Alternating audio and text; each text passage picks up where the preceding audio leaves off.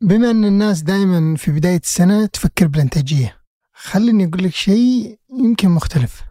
براين ترايسي في أحد كتبه قال حاجة صراحة أثرت فيني مرة.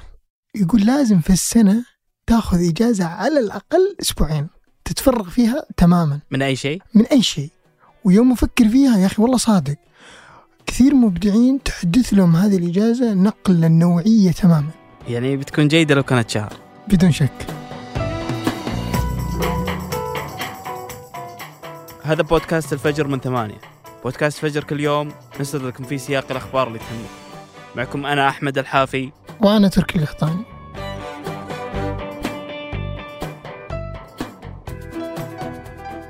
خبرنا اليوم رونالدو في النصر.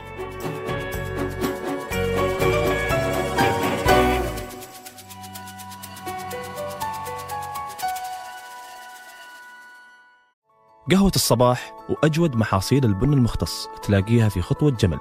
اعرف أقرب فرع لك من الرابط في وصف الحلقة.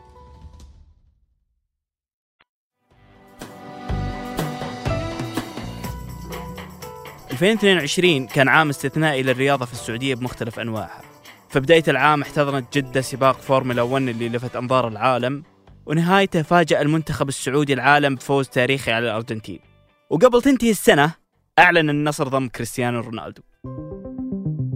صفقة رونالدو تعتبر الأغلى على مستوى الكرة السعودية وجماهير النصر تشوفها فرصة للنادي أنه يرفع من قدراته التنافسية.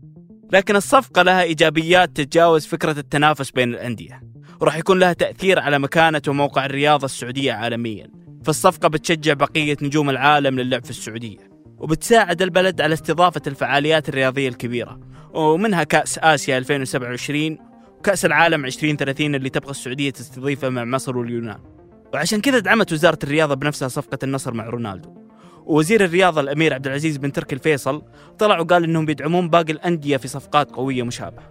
النصر كان أول المستفيدين من الدعم الحكومي اللي بفضل استطاع النادي ضم كريستيانو رونالدو اللي عنده أرقام قوية ما هو بس في المستطيل الأخضر بل حتى في مواقع التواصل وسوق الإعلانات. فحساب رونالدو بالإنستغرام يعتبر الأكثر متابعة بالمنصة. بأكثر من 526 مليون متابع they mention only about, about high value kind of play game. Last year, many players do the same.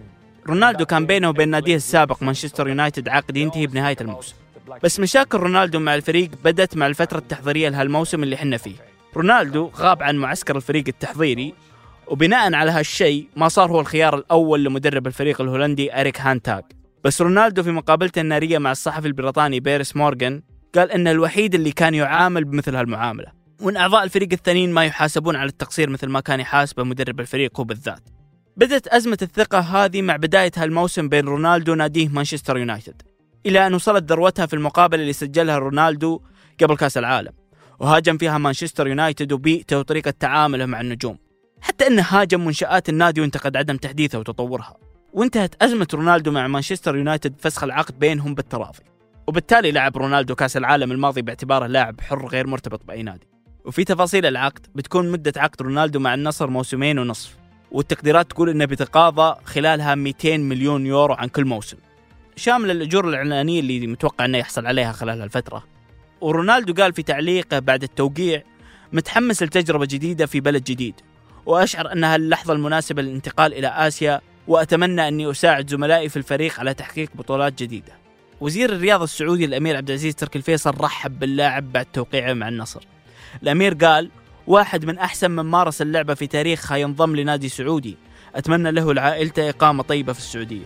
طبعا كريستيانو مو أول واحد يجي للدوري السعودي في قبل النجوم يعني. إي يعني نادي النصر نفسه سبق له نوقع مع البلغاري نجم برشلونة وبطل دوري أبطال أوروبا. خريستو ستويتشكوف سنة 1998 بس عقد ستويتشكوف وقتها كان لمباراتين بس. ونادي الاتحاد سبق له التوقيع مع نجم إيطاليا ونادي AC ميلان آه، روبرتو دونادوني. وعلى مستوى الخليج فأندية دوري نجوم قطر سبق لهم التعاقد مع الإسباني غوارديولا والأرجنتيني باتيستوتا. والدوري الإماراتي سبق للنادي الأهلي فيه التعاقد مع فابيو كانافارو كابتن منتخب إيطاليا والفائز معه بكأس العالم عام 2006 حتى على مستوى العالم دوري كرة القدم في الصين كانت له محاولة في زيادة إيراداته وزيادة قيمته السوقية من خلال التعاقد مع نجوم عالميين مثل الفرنسي نيكولاس أنيلكا والإيفواري ديديه دروغبا. لكن لا شك إن زخم التعاقد مع رونالدو ما مر مثله من قبل في السعودية ولا في آسيا كلها. فهذا التعاقد يجي مع لاعب سبق له الفوز بجائزة أحسن لاعب في العالم البالون دور خمس مرات. ولاعب سجل مع ريال مدريد خلال تسع مواسم 450 هدف. ولاعب فاز بدوري أبطال أوروبا مع ناديين مختلفين خمس مرات. هذا كله يخلي التعاقد مختلف تأثيراته كبيرة ومختلفة عن كل التعاقدات اللي قبله. رونالدو واحد من أكثر اللاعبين بحثا في جوجل. في 2021 بحث رونالدو أكثر من 7 ملايين مرة. ورونالدو أكثر واحد متابع على الفيسبوك بأكثر من 158 مليون متابع. وعشان نعرف تأثير رونالدو التسويقي يكفي أن نعرف أن يوفنتوس لما أعلنوا التعاقد معه في يوليو 2018 باعوا في أول يوم قميصه بقيمة تعدت 60 مليون يورو. رونالدو اللي يكمل 38 سنة في فبراير الجاي تأثيره يتعدى التأثير الرياضي المباشر على الدوري. رونالدو في العقدين الأخيرين اللاعب الأشهر على مستوى العالم هو مع الأرجنتيني ليونيل ميسي. في تأثيرات على حساب النصر في إنستغرام بعد التوقيع. ليه؟ وش صار؟ زاد من حوالي 800 ألف متابع إلى أكثر من 4 ملايين في ليلة واحدة. هذا يعني أن متابعة الدوري تلفزيونيا بتزيد لأن رونالدو بيكون لاعب في كل جولة أسبوعية منه ومتابعة الدوري جماهيريا في الملاعب كذلك بتزيد لمتابعة رونالدو على أرض الملعب مباشرة. والقيمة السوقية لنادي النصر والدوري عموما بتزيد بعد استقطابه من هالنجم. هذا كله غير التأثير غير المباشر اللي يتوقع من رونالدو أنه يتركه. فالسعودية هي الآن صاحبة الملف الوحيد القائم لاستضافة كأس آسيا 2027 وجود لاعب بقيمة وتأثير رونالدو على ملاعبها لا شك بيكون داعم رئيسي لها الاستضافة. والسعودية كذلك بحسب تصريح وزير السياحة السعودي أحمد الخطيب بتكون منافس على استضافة كأس العالم 2030 في ملف مشترك يجمعها مع اليونان ومصر. فرونالدو غير تأثيره الرياضي المباشر بيكون داعم لملفات واستضافات رياضية سعودية قادمة. بيكون واحد من أحسن الوجوه الترويجية اللي تروج للسعودية وللمناسبات القادمة المستقبلية فيها الرياضية وغير الرياضية.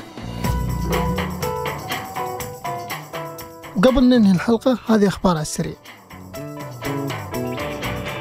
في خبرنا الأول وزارة الصناعة والثروة المعدنية السعودية توقع مذكرة تفاهم مع شركة هونداي موتور من بنودها التخطيط لبناء مصنع لتجميع السيارات الكهربائية وغيرها ويكون مقره في السعودية. وفي الخبر الثاني مع نهاية العام خسائر في الأسهم الأمريكية خلت المؤشرات الرئيسية في وول ستريت تسجل أكبر انخفاض سنوي من الأزمة المالية العالمية عام 2008 وفي الخبر الثالث عاصفة برد وثلوج في مدينة الباحة وبالجرشي جنوب السعودية. للمرة الأولى من 12 سنة. وآخر خبر وفاة باب الفاتيكان السابق بنديكتوس السادس عشر عن عمر 95 عام.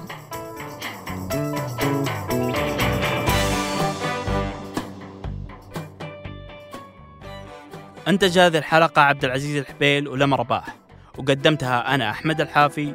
وأنا تركي القحطاني. حررها محمود أبو ندى. نشوفكم بكرة الفجر.